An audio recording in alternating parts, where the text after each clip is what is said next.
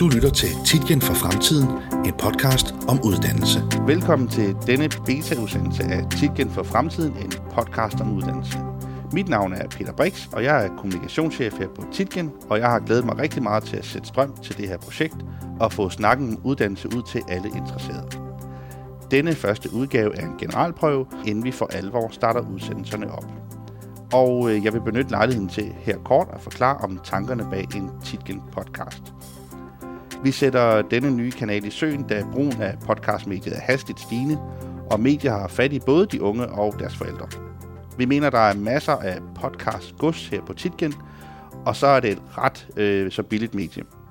Og vi ønsker jo at dække hele paletten her i Titgen-regi med de her podcast. Så nogle episoder vil derfor rette sig mod de unge, og det kan være alt fra udsendelser om øh, deres uddannelsesvalg, studiebeskrivelser, det kan være eksamensangst, det kan handle om studietur øh, til udlandet, og der kan også være udsendelser om Titgen Corporation eller vores øh, boghandleruddannelse. Til de voksne vil vi også gerne lave podcast, og det skal være rettet mod erhvervslivet. Her fortæller vi om TKC's projekter, kurser, efteruddannelse, og vi vil give noget af vores viden gratis væk. Formålene er mange, men primært handler det om synlighed og branding af Titgen i forhold til ungdomsuddannelser, og så handler det om og få solgt nogle kurser og noget efteruddannelse i regi af TKC. Vi glæder os rigtig meget til at komme i gang, og vi regner i øvrigt med at udgive omkring 8-10 podcast om året. Nå, det var rigeligt indløb for mig, for jeg er jo slet ikke alene her i lokalet.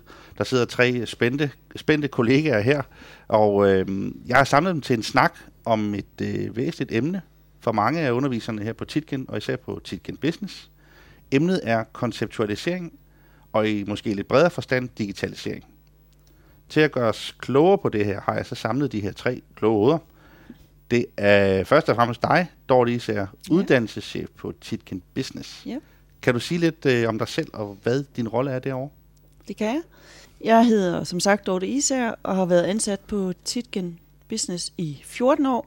Først som underviser, og så sidder jeg nu som øh, uddannelseschef med ledelsesansvar for nogle tværgående ledelsesopgaver, herunder blandt andet konceptualisering, som vi skal tale om i dag. Øh, derudover så har jeg ledelses- og personalansvar for Team Voksen og Titgen Online. Ja, velkommen til. Tak. Claus, du sidder herovre ved siden af, af Dorte, og det var jo selvfølgelig ikke så nyt for dig det her, hvem Dorte var, men, øh, men alle, der lytter her. Claus, hvem er, hvem er du? Du er handelslærer. Ja, handelslærer, ja. Og har været ansat her på uh, Titgen Business i fire år, og uh, har været i voksenteamet alle de fire år, og uh, underviser hovedsageligt i matematik og uh, informationsteknologi.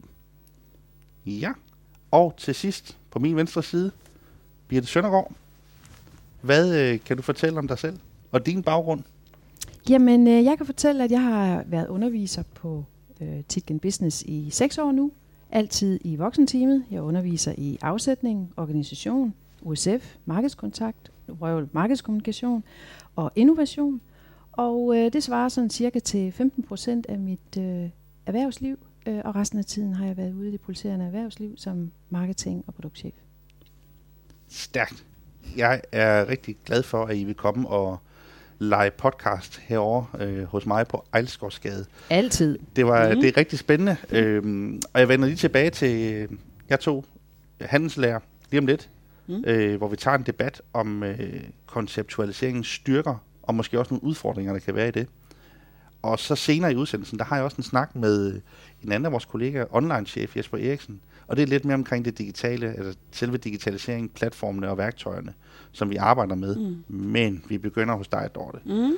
Hvad er det her for noget? Kan du ikke prøve at hjælpe os med en definition øh, bag begrebet konceptualisering? Jo, altså kort fortalt, så går konceptualisering ud på, at lærerne i fællesskab udvikler undervisningsforløb, udvikler materialer og har en diskussion i faggrupperne omkring, hvordan er det, vi knækker øh, fagmålene sådan pædagogisk didaktisk set, så vores elever lærer mere.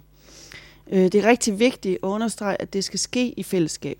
Det er lærere, der skal være medskaber af forløb, så de forløb, der bliver udviklet, også bliver brugt i undervisningen. Så det er, at man simpelthen fælles laver forløb. Og øh, hvorfor, øh, hvorfor ender man som skole med at, at gå ind på sådan et initiativ? Altså, hvor er det gevinsterne ligger? Hvad er det, man vil opnå med det? Ja, altså der er sådan tre hovedtemaer, kan man sige, der gør det interessant for os som skole at kaste os ud i et projekt, som vi bryder lidt med, med lærerrunden, som den traditionelt har været. Men der er sådan et øh, både tids-, kvalitets- og læringsmæssigt perspektiv. Tid i forhold til at lave forløb, som er fremtidssikret, og som kan lette lærerens forberedelse. At vi ikke hver især sidder og øh, udvikler egne forløb, men at vi gør det i fællesskab, og på den måde simpelthen kan minimere den forberedelsestid, vi som lærerne har. Men også sådan øh, at hente noget faglig tid. Vi har jo eleverne i rigtig kort tid på business fra 20 uger til, til to år, hvor de skal nå rigtig meget. Så der er også en mulighed for at skabe sammenhængskraft mellem fagene. Øhm, og det er i øvrigt også ministerielt bestemt, at det er noget, vi skal. Der skal være sammenhængskraft mellem fagene. Så det er sådan tidsaspektet. Så er der kvalitetsaspektet. Øh, at vi, når vi puljer lærernes viden og kompetencer, så tror vi på, at vi kan få det bedste forløb. Vi kan noget hver især, og det skal, det skal i spil. Så det handler ikke om, at, øh, at det skal være på en bestemt måde, men det handler om, at alt det, som lærerne ved, den erfaring, de har, at den bliver bragt i spil. Øhm, så er der jo krav til, at vi skal forny os. Vi skal have, kunne levere elever til erhvervslivet, og det skal vi hjælpe hinanden med at kunne. Når man kommer som ny underviser, eller man som erfaren underviser skal undervise i et nyt fag, så er det noget, vi ved erfaringsmæssigt tager rigtig meget tid, og det er, det er forkert brug af vores ressourcer, at man sidder og genopfinder forløb hele tiden, når det er fag, der har kørt i lang tid. Og så er der også, øh, så har vi også nogle, øh, et fælles pædagogisk didaktisk grundlag, som vi gerne vil have implementeret i forløbet. Og så er der læringsmæssigt, øh, øh, som er rigtig vigtigt. Ikke? Vi tror på, at når vi samler lærernes viden, så kan vi få vores elever til at lære mere, og vi kan lære af hinanden også. Simpelthen kompetenceudvikle i faggruppen. Så det er sådan de tre overordnede årsager. Okay, så sådan, øh, sådan dags dato, hvordan arbejder I så konkret med det? Er, hvis man møder ind som en, øh, en mat B-lærer, er der så et, øh, et konceptualiseret forløb, øh, den lærer kan, kan logge på i, øh, i Canvas eller et andet system? Ja, altså det er jo det. slutproduktet, kan Det man er sige. Det, slutproduktet, ja. vi er proces. I proces? Ja. ja okay. okay. Jamen det er også... Fordi det, er det, det, der er meningen, men ja. Ja. Mm. Så det er, det er endemålet, det er det, man skal ende Ja, øh, med, med fagene. Er det, Ja. gælder det, tænker du, at, øh, at øh, konceptualisere et, et, kan man sige, hele vejen rundt, sådan så Ja. det kan være alle fag? ja. Ja. Og også med tanke for, at det er en proces, der aldrig stopper. Mm. Altså, fordi der vil jo hele tiden komme nye, øh, nye bekendtgørelser, eller så sker der noget nyt ud i erhvervslivet, vi er nødt til at rette til. Og, så på den måde, så er det noget, der, at vi simpelthen arbejder sammen om. Jamen, øh, det var rigtig godt, Dorte. Så har vi øh, til alle lytterne derude, nu ved de i hvert fald, øh, hvad det er, vi øh, skal snakke om mm. de næste øh, kvarter 20 minutter. Og vi har jo det her lille debatpanel, hvor man kan sige, at vi har en fra ledelsen over på Titken Business, form af dig, Dorte, og så har vi mm. To undervisere, som ligesom bliver udsat for det her. Mm. Fordi som du sagde til mig, øh, så er der, så er der det er ikke et hårdt opgør med lærergærningen, men der er jo et, et generelt øh, øh, kan man sige, forandring i lærergærningen øh, i øvrigt med reformer, bekendtgørelser og nye måder at undervise på. Kan man sige, et af grebene, det er de, de her. Øh, så hvordan oplever man det, øh, Birte? Hvad Jamen- tænker du om det her? Hvordan oplever du det som underviser? Altså, jeg tænker jo, at det her det bliver godt, når det bliver færdigt. Og øh, jeg tænker, at det sparer mig tid, fordi jeg kan bruge min tid på noget helt andet. Men det gør ondt lige nu, fordi vi er i gang, vi er i proces, som Dorte siger. Det vil sige, at jeg skal drifte, jeg skal køre min daglige undervisning, og jeg skal udvikle på én gang. Fordi for at skabe ejerskab og motivation, så har vi jo valgt at gøre det sammen i faggrupperne. Og det betyder, at øhm, det bliver sådan en meget opdelt proces. Øh, så lige nu er det bøvlet, på sigt bliver det godt. Mm. Øhm, vi er kun i gang, så øh, øh, jeg har ikke haft lejlighed til at bruge så mange af de konceptualiserede forløb endnu. Og det jeg oplever som det allersværeste, det er at øh, huske, at de ligger der. Fordi jeg gør, som jeg plejer. Jeg bruger, jeg, jeg gør, øh, jeg, vanens magt er stor i det her spil. Mm. Øhm, eleverne, jeg tror som mænd, at de, øh, de mærker ikke noget. De mærker ikke noget, om jeg har taget et konceptualiseret forløb, hvor øh, en af mine kolleger har lavet en, en PowerPoint-præsentation, hvis, hvis, hvis det skulle være eksempel, eller en opgave for den sags skyld. Øhm, jeg kan jo så opleve, at, øh, at jeg har sparet tid, fordi jeg har ikke behøvet at, at, at sidde og forberede en opgave, fordi der ligger allerede en super god en, jeg har nappet fra en af mine kolleger. Øhm, så er der det med, at øh, vi er i proces, at vi skal arbejde sammen omkring det her. Det er det, der er udfordringen, fordi vi har ikke tiden til det. Mm. Øhm, hvis vi skal sætte gang i gaden, øh, Peter, så kan man jo sige, at øh, en ledelse vil jo altid sige, jamen øh, medarbejderne brokker sig over, at de skal have tid til det her, og det har de ikke, og de skal, og så videre. Men det er det, det er reelt det, der er, er, øh, er udfordringen lige nu. Ja, hvordan oplever du det, Claus? Jamen, det er meget tråd med, med Birte. Altså man kan sige, øh, nu har jeg jo så lige haft nogle dage til at gå og mærke efter, hvad der, der ligesom... Øh, at jeg, jeg tænker, at, at jeg møder øh, på arbejde til om morgenen, og hvorfor jeg står op om morgenen. Og, og, og den her lærergærning her, tænker jeg, den består sådan af to ting. Den består af, at jeg har noget ejerskab, og så øh, noget motivation. Og der kan man sige, at vi har jo i Danmark en, en lang tradition for, at det her med et, et frirum, et, øh, et sted, hvor det er, at vi som underviser netop kan øh, generere vores, vores egen øh, materiale. Øh, og undervisningen består jo af, at vi ligesom får, får lavet øh, forberedelse, og så er der eksekveringsdelen, der kan være noget opgaveretning, og så er der selvfølgelig øh, noget evaluering. Og der kan man sige, at hele den proces der, den er enormt motiverende for min lærergærning. Og, og det vi selvfølgelig så skal passe på her, det er, at den første del med planlægning, at den ikke sådan bliver, øh, hvad skal man sige, vi mister ejerskab i forhold til, at vi kun går ind og eksekverer hele tiden. Øh, alle læger har prøvet at vikariere for nogen, der er måske sygemeldt en periode osv., og får noget materiale i hånden og skal ind og eksekvere alene. Og der kan man sige, motivation, den, den er der ikke. Og det vi opnår med vores elever, kan vi jo se med vores KPI og så videre, det er jo, at vi kan noget ganske særligt her på Titgenik. Vi har nogle rigtig tilfredse elever. Og det tror jeg, det bunder i, at når vi møder ind om morgenen, jamen, så er det top-tunet, motiverede øh, lærere, de møder. Mm. Og der skal vi i hvert fald på, øh, passe på, at vi ikke øh, lader det skylle ud med, med hvad skal man sige, badevandet, så, så vi sikrer os det der ejerskab. Og derfor den her proces og de ressourcer, som Dorte snakker om, der skal sættes ind for ligesom at, at skabe de her, et, et ejerskab i fællesskab. Jamen det er hele fundamentet for, at det bliver en succes det her i hvert fald. Så, så jeg tror også på den lange bane, hvis vi sørger for, at vi ligesom har tid og ressourcer til, at vi alle sammen kan se os selv i de forløb, vi får lavet. Og, øh, og det er en kunst. Det er ikke noget, der kommer sådan i løbet af en 3-4 timer eller et enkelt år, men hvis det er, der bliver ved med at til, bliver tilført nogle ressourcer i forhold til at udvikle, så vi har noget rigtig godt, men så tror jeg også på det her. Ja. Altså jeg kan jo sige en, en personlig anekdote. Jeg var til to gange 40 års fødselsdag i, i weekenden, hvor jeg blev flankeret af to øh, kvinder, som var folkeskolelærer. Mm. Og det var, nu er det ikke for at sige, at den her 40 års fødselsdag, det var en, en langsejler, men vi fik blandt andet snakket om konceptualisering, fordi det kunne jeg jo lige så godt lige afprøve på mm. de her to.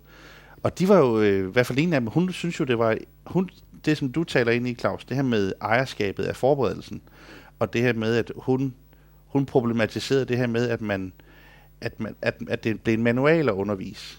Hvordan tænker du om det, Dorte? Altså, hvordan undgår man, at man mm. gør læreren umyndig, eller på en mm. eller anden mhm. måde, at man fjerner mm. det personlige øh, ejerskab. Mm. Hvordan tænker du om det? Jamen, jeg tænker, altså det er jo en hård, fin balance mellem, hvor vi traditionelt nærmest har set os selv som sådan en curriculumudvikler. Vi har brugt enormt meget tid på at udvikle undervisningsmateriale, fordi vi synes, at bare jeg lige fik sat mit fingeraftryk på, så blev det aller, allerbedst. Til at sige, jamen det er nok ikke det, der har størst betydning for, for læring. Det er nok ikke, om opgaven er skrevet på præcis den måde af Dorte, men det er alt det, der sker i klasserummet. Alle de didaktiske overvejelser, jeg har haft som underviser. Og jeg er helt med på, altså det som Birte og Claus jo rigtigt anfører, at vi skal ikke ud i, at det skal være en pølsefabrik, hvor, hvor så tager man det ind i canvas og lukker eleverne ind, og så, så kører det bare efter en snor. For så er der jo ingen glæde ved det. Øh, så hele den svære opgave ligger i, at vi som undervisere arbejder sammen. Og vi tænker jo forskelligt. Og vi har nogle samarbejdsrelationer, vi synes fungerer rigtig godt, og nu bliver man lige pludselig tvunget ud i, måske at arbejde sammen med nogen, man ikke har været vant til at arbejde sammen med. Så hele den der øh, svære balancekunst tænker jeg, at vi skal være opmærksomhed på og have respekt for. Øhm, og så også en accept af, at ting tager tid. Men jeg tror, i, i sådan små skridt går vi hen ad den vej, fordi ja, vi må også bare sige, at tiden er ikke til, at vi sidder og udvikler helt fra bunden. Jeg kan ikke lade være med at, at tilføje omkring motivation. Motivation for mig er ikke at sidde og lave mine egne mm. materialer. Og det bliver jeg fri for via konceptualisering. Jeg går mere op i, og det ved jeg, det gør I andre også, så det er ikke enestående der, det er at skabe læring for eleven. Og alle mine elever, det er individu- individer, individuelle individer, kan man sige det? øh, det vil sige, at jeg skal have spil i rigtig meget forskellig pædagogik og didaktik. Og det synes jeg er sjovt, at jeg får frigjort tid til det. Det vil sige, min lærerrolle, den foregår i rummet, as we speak. Og mit bagkatalog, det er, mit, øh, koncept, det er min konceptualisering, nogle forløb, jeg har, jeg har overtaget. Men det er også der, hvor jeg kan sige, dagens artikel, Øh, der har været noget spændende om Little og Vassem Halil, som øh, øh, øh, går i samarbejde med dem. Kan I lige øh, kommentere på det ud fra en konkurrencesituation? Og den konkurrencesituation, den har de så fået via de dias, som min kollega har lavet. Så ud i rummet øh, og udøve og, og, og sørge for, for læring derude. Det er min motivation. Mm. Og sådan øh, i hen på det tænker jeg også, at den viden, lærerne har omkring noget, der virker godt ude i klasserummet, det vil jeg jo gerne have, bliver bragt ind til hele faggruppen. Så det ikke kun bliver isoleret ved Birte, der lykkes med en opgave på en bestemt måde, eller Claus gør det på en bestemt måde. Nu er jeg jo så privilegeret at se rigtig meget undervisning. Øh, jeg er jo, øh, som de andre uddannelsesledere også ind og se alle lærernes undervisning. Og hvad vi ikke ser af god undervisning, det, det er jo øh, simpelthen noget, man bliver sådan enormt stolt af, og det skal alle andre jo også have glæde af. Den viden, som lærerne har, den skal, den skal ikke kun blive ved ledelsen. Så det, det er jo også sådan, den pædagogiske diskussion, man skal have ind nu, men det er rigtigt, som Birte siger, der er jo også noget robrødsarbejde, og noget, der kan være lidt træls her i en opstart. Men det er jo det, jeg sådan drømmer om, at man får de der gode pædagogiske diskussioner om, omkring, hvordan er det, man laver det bedste forløb. Ja, og, og det er jo det der med, at man kan sige, det er jo igen, hvordan vi sådan, hvilke briller vi tager på, fordi hvis man på den ene side ser det som en, en konstruktiv sparring mellem kolleger med idéudvikling og så videre, og på den anden side som en spændetrøje, så er det jo klart, at altså man kan sige, hvis, hvis man har fokus det ene og det andet sted, så har man de sorte briller på, eller de, de lyse. Øh, men jeg tror også lige præcis, at nu hørte vi Morten øh, Albæk her for nylig øh, på Titkenskolen, øh, og han er jo inde på det der med også med den gyldne middelvej, at man ligesom skal placere sig sådan imellem, at yderpunkter er aldrig gode, og det kan vi også se politisk og det hele, ikke? Så hvis man sådan finder ligesom, at man har øh, som udgangspunkt nogle skabeloner, og som Birte kan sige, krydder det med dagsaktuelle emner osv., så, videre, så vi hele tiden er i forandring selvfølgelig, men har et godt ståsted, et fælles øh, ståsted. Og du kan man bare sige med vores øh, IT-gruppe her, jamen vi måtte jo også, efter vi har været rigtig i dybden med vores øh, bekendtgørelse, måtte sande, at der er nogle af de undervisningsforløb, øh, vi har lavet, som ligger lidt uden for skiven. Så det har været en sund proces ligesom at få rettet til at sige, jamen hvad er det så, vores kerneydelse er her? Plus øh, også med, med Birte, at det er jo forskellige elever, vi har. Øh, det er også forskellige timeantal. Øh, antal.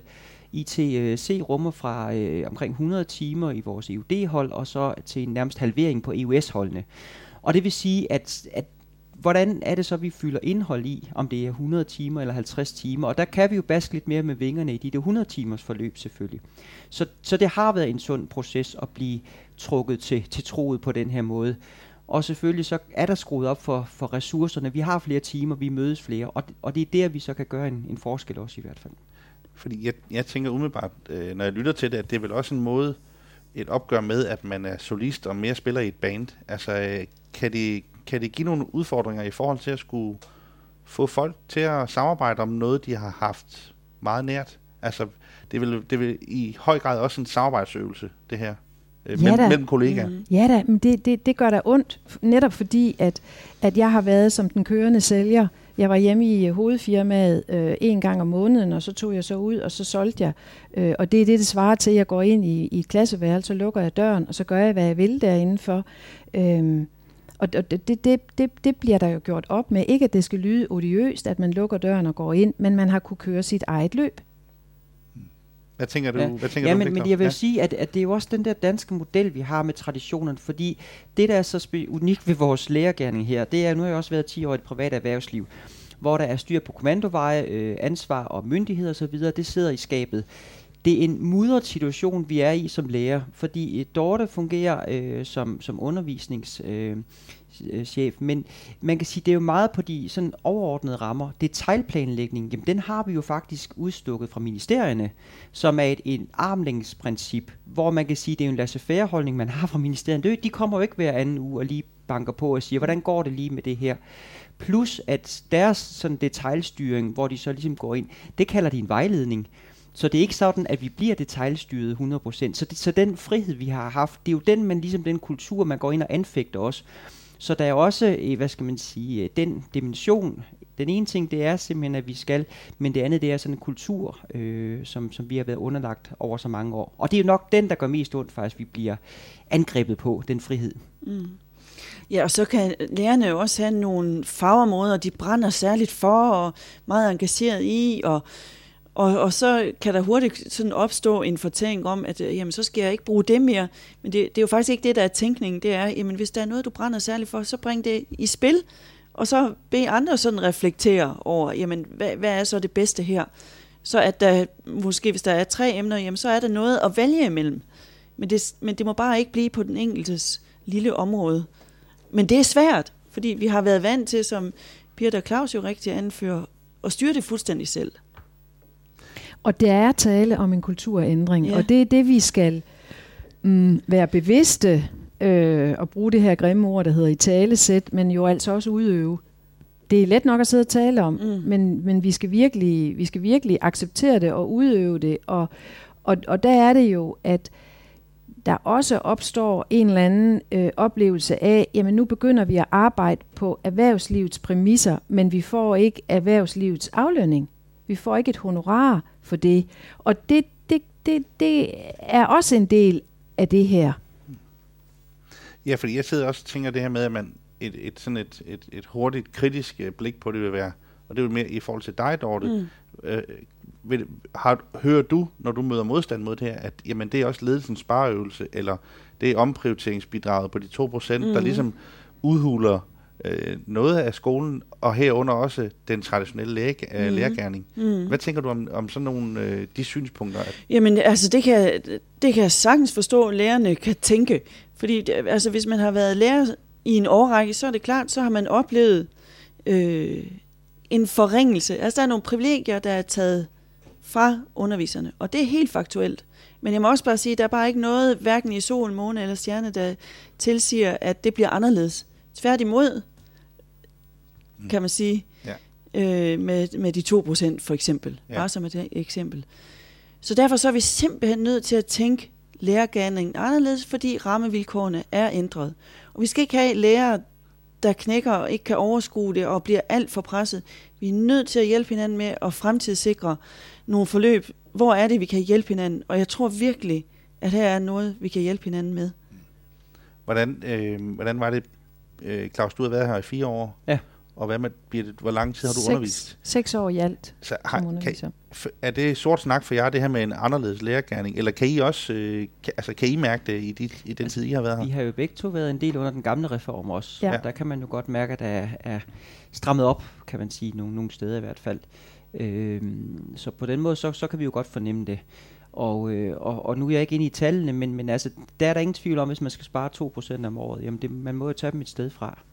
Så det er jo også et opråb til vores elever. Kom nu på barrikaderne, der er snart valg. I kan gøre en forskel, ikke?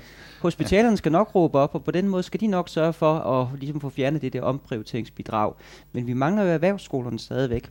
Så øh, det er jer elever, de lytter til. Så op på barrikaderne. Og tallene er jo ikke gode. Altså, vi har 34 erhvervsskoler, hver fjerde har øh, røde tal på bundlinjen. Ja. Så det er ikke, øh, det er ikke og vores skole øh, altså ikke lige med der, men, men, men altså, det er jo en, en generel politisk ting, det her. Øhm, og er- det er alles hverdag. Det er alle lærers hverdag på en erhvervsskole. Og vi skal jo så bare finde ud af at øh, få løst den sådan, at øh, der ikke sker en lærerflugt og en, øh, en, øh, en forringelse i, øh, i kvaliteten. Mm. Og det er der, at vi som undervisere forventer af jer ledelse, at I er rigtig smarte i, hvordan man holder på os, hvordan man skaber nogle gode hvad skal vi sige, øh, betingelser for for eksempel i det her tilfælde at udvikle øh, konceptualisering. Mm. Og, og det er derfor, jeg siger, da den ene øh, del af konceptualisering er det tidsmæssige aspekt. Men jeg tror altså også virkelig på, at der er et kvalitetsaspekt, og der er et læringsaspekt. Både elevrettet, men, men i den grad også lærerrettet. Det tror jeg, du har fuldstændig ret i. Og det eneste, jeg kan, jeg kan være ked af her på vores skole, det er, at vi, vi drifter øh, de her, hvor mange timer drifter vi om ugen? Hvor mange timer underviser vi? 25, vi, 25 timer om ugen? Nej, 24? En, 21. 21. En gennemsnitslærer skal have 20 ja. 21. Ja, så vi, øh, vi drifter 21 øh, timer om ugen, og så om fredagen, der går vi til, øh, ikke alle fredag, men nogle fredag, der går vi så til faggruppemøde, hvor vi sidder og, og udvikler konceptualiseringsmateriale.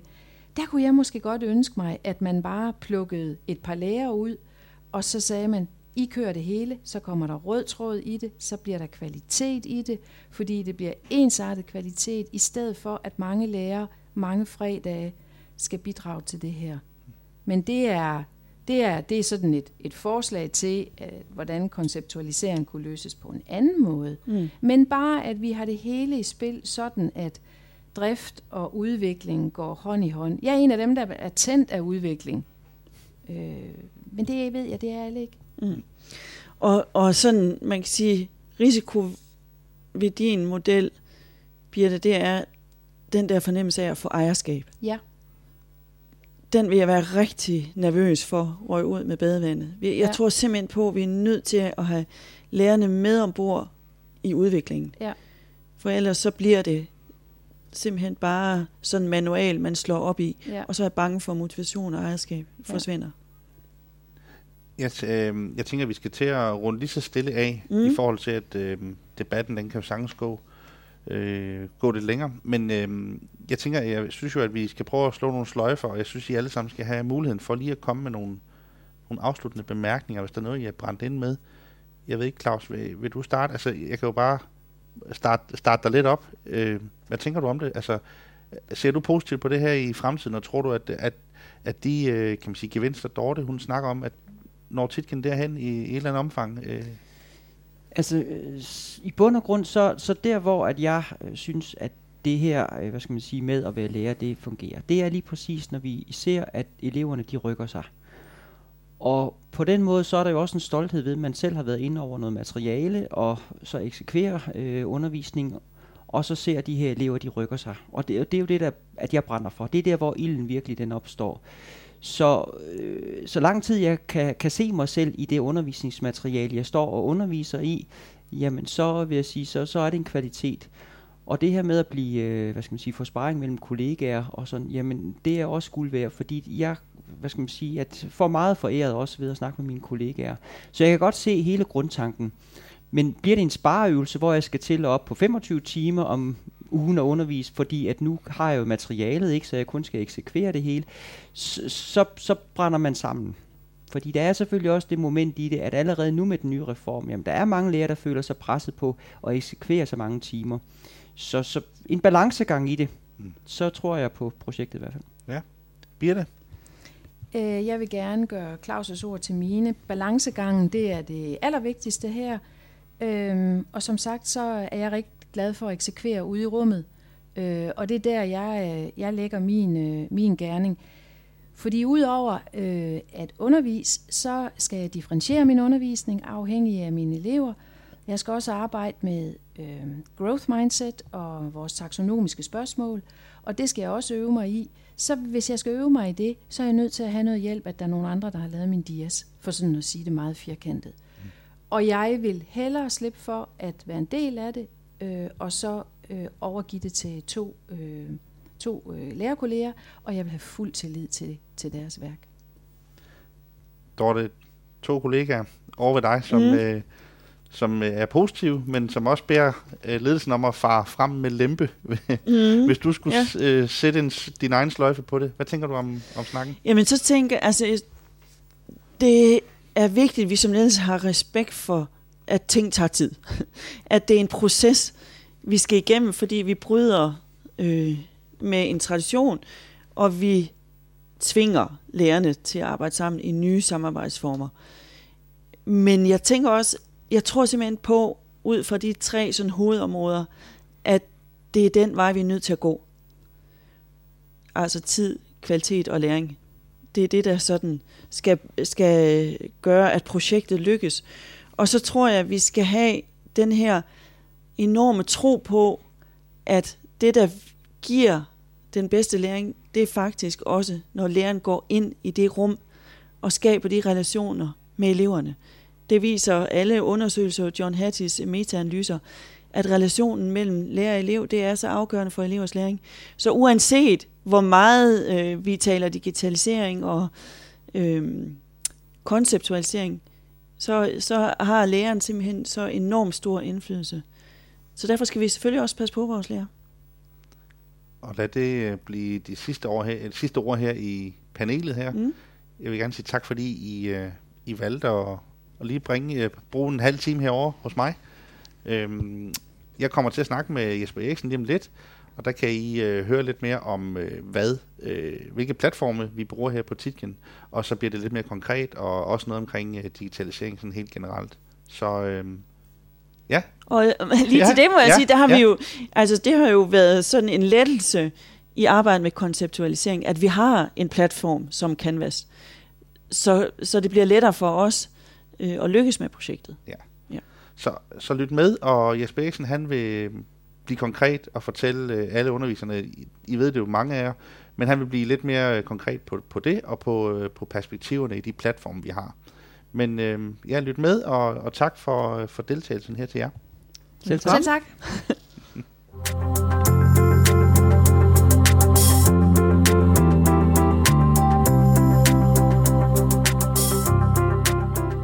Jeg har nu fået øh, tømt lokalet og fået øh, selskab af Jesper, som vi øh, lige præsenterede.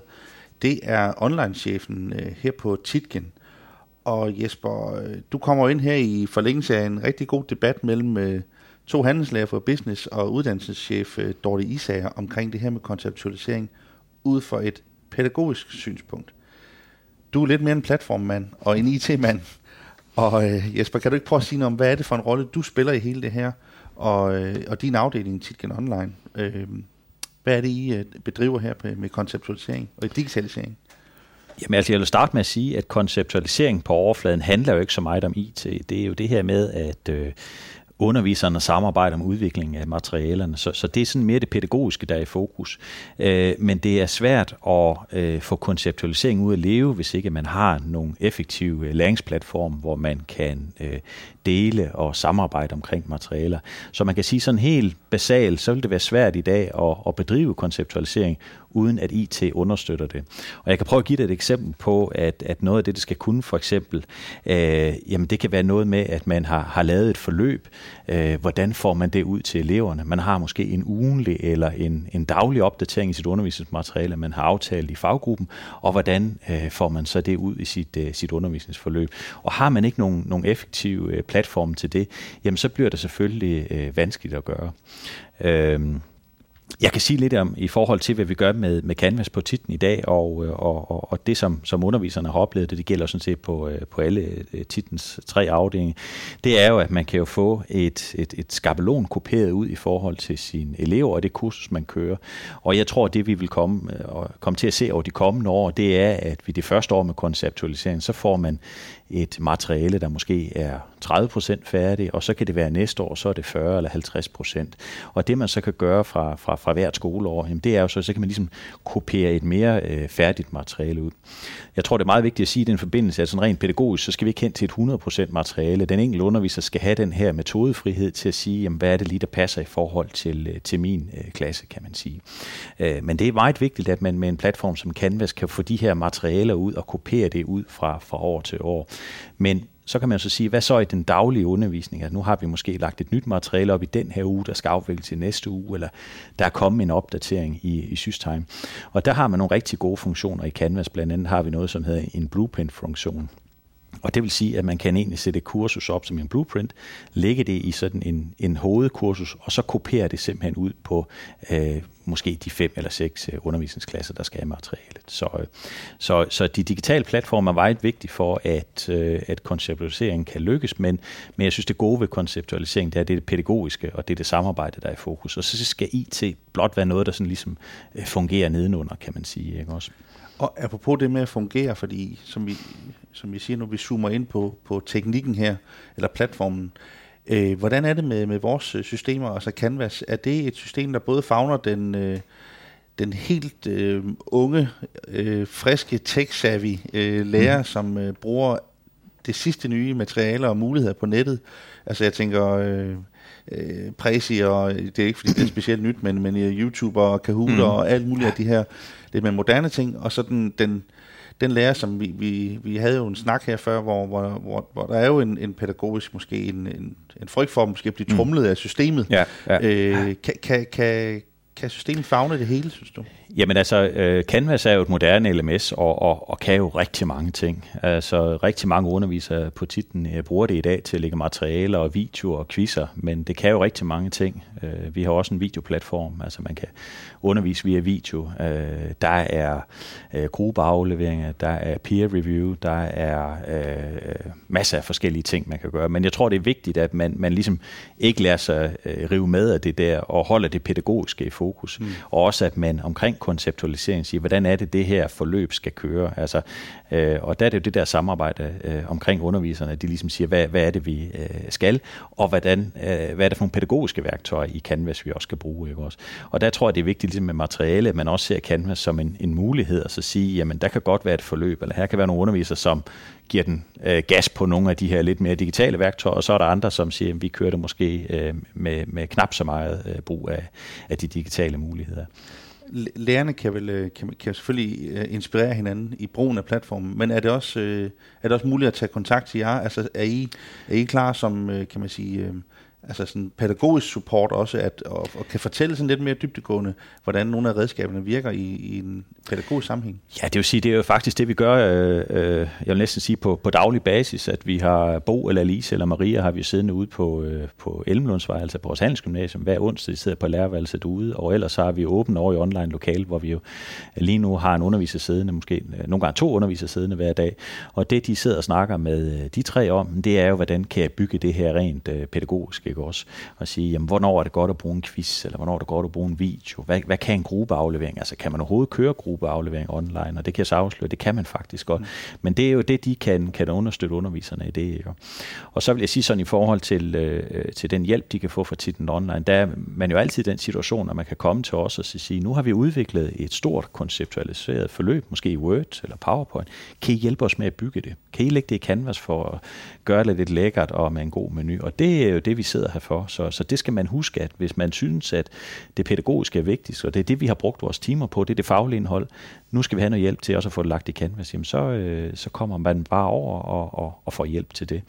Og så har vi jo rigtig god erfaring med øh, sådan nogle... Øh, mange fredag eftermiddag i teamet, altså hvor vi blev indkaldt til øh, teammøder, og øh, øh, det er faktisk på alle vores tre afdelinger, men man kunne godt forestille sig, at et team på øh, Titten Business for eksempel, der arbejder med konceptualisering, en fredag eftermiddag, eller det kan være hvilket som helst tidspunkt, havde brug for øh, noget hjælp til både at bygge noget, men også at få lidt en, en bredere introduktion til, hvad Canvas kan, hvad kan Canvas på, på mange af de her ting. Ikke? Mm.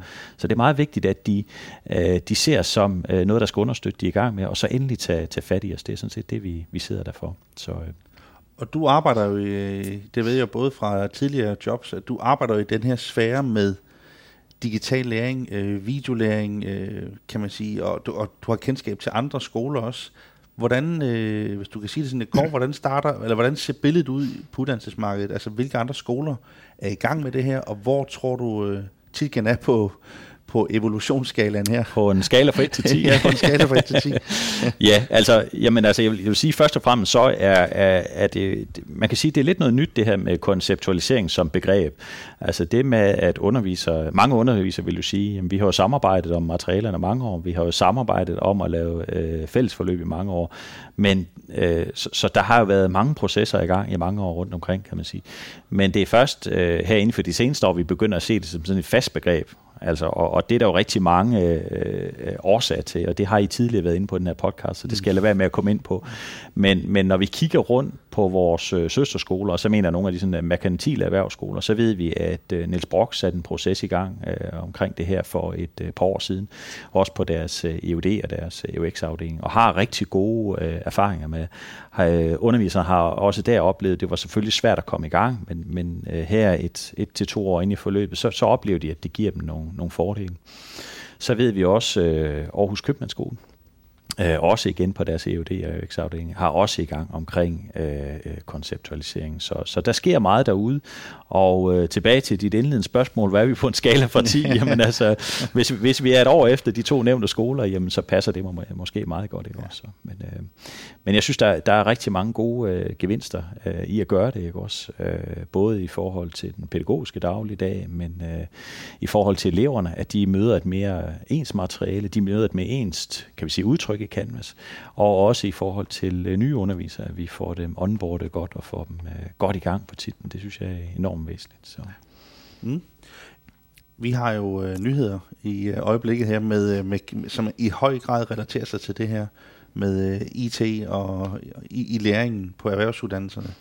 Hvad, øh, kan du prøve at gøre os lidt klogere på, hvad det er, Titgen de har de er blevet tildelt her? Et videnscenter Jamen, det er jo en øh, enormt spændende opgave, som vi lige har, øh, har fået tildelt faktisk så sent som i dag. Øh, ministeriet har udbudt et nyt øh, center for anvendelse af IT i erhvervsuddannelserne, og, og øh, centret får til formål at hjælpe øh, erhvervsuddannelserne. Det gælder øh, bredt i sektoren, øh, alle retninger kan man sige.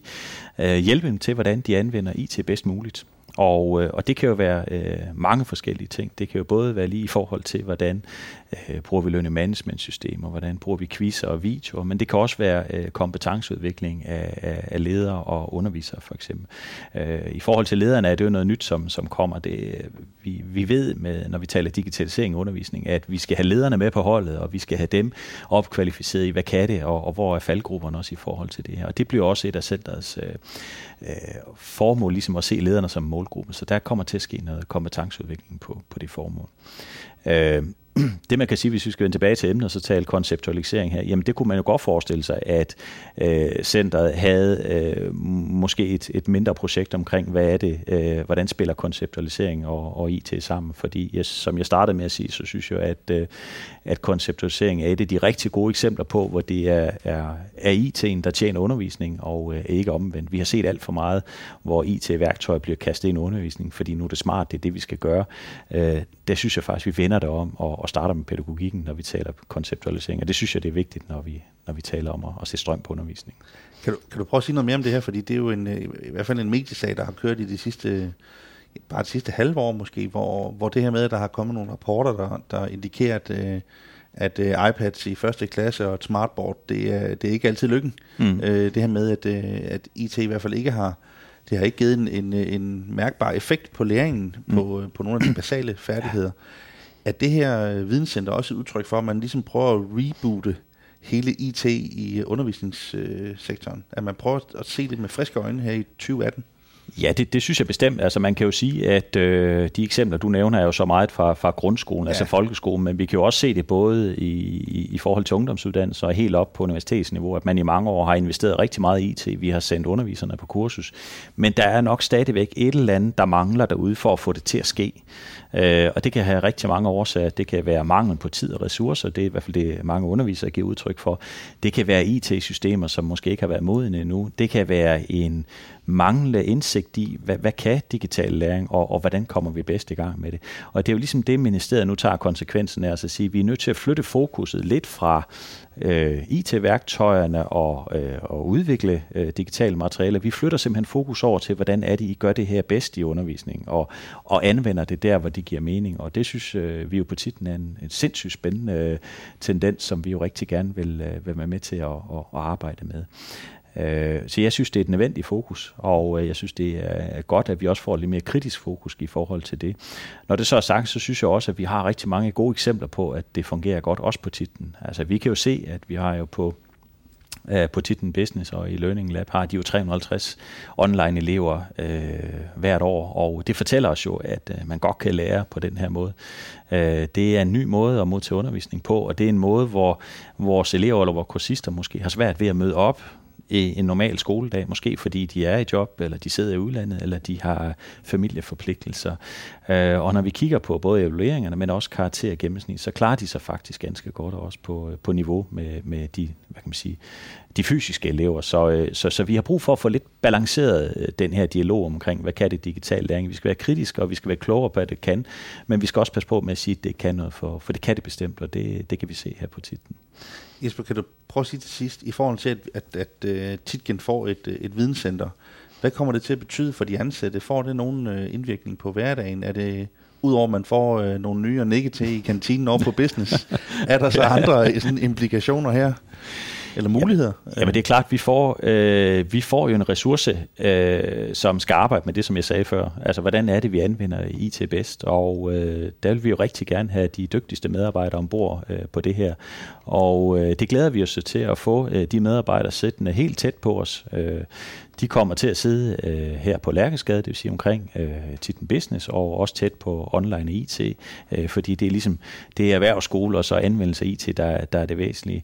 Øh, men øh, jeg tror da godt, vi kan regne med, at hele Titten kommer til at, at drage gavn af det her. Øh, der vil være fokus på, øh, vi skal have lavet nogle podcasts som de her, der skal måske holdes nogle webinarer, og der skal ske noget læreopkvalificering. Men at vi ligesom øh, øh, efter et par år, med, med, hvor Canvas har fyldt meget, at vi de kommende år nu begynder at flytte flytte fokus lidt mere over på, hvordan er det så, vi underviser, når mere af undervisningen foregår måske på digital platform, men måske også får en nødvendig diskussion om, øh, hvor giver det mening, og, og hvor er det, vi skal lade være med at gøre det. Så, så det glæder vi os til at få nogle, nogle, øh, nogle gode ressourcer ombord der, og, øh, og, og, og forhåbentlig få noget ud af det. Godt. Jesper, jeg tænker, det var, det var snakken, medmindre du har noget på falderevet. Nej. Nej. Jamen, nej. Øh, så vil jeg sige tak, fordi du øh, lige vil kigge over til en snak. Øhm, og så vil jeg sige tak til, til jer lyttere, der har været med hele vejen hertil. Øh, det var jo vores øh, beta-udgave af en, af en podcast her på, på Titgen, som vi kalder Titgen for fremtiden. En podcast om uddannelse. Og øh, vi håber, jeg synes, det har været spændende som, øh, som ansat på Titgen at lytte lidt til, øh, til en debat om øh, konceptualisering. Og Jesper Eriksen har kunne fortælle lidt mere om, om platformene og digitalisering i et bredere forstand. Vi kommer til at lave flere podcast, også for rene ansatte, altså interne podcast. Og ellers så kommer vi til at lave noget for vores unge mennesker, vores øh, elever på ungdomsuddannelserne, om forskellige ting, som jeg nævnte i indledningen. Og så selvfølgelig noget, hvor vi prøver at, at ramme vores øh, virksomheder i, øh, i omkring Odense. Men øh, tak for den gang i hvert fald. Du lyttede til Titgen for Fremtiden, en podcast om uddannelse på Kenhør.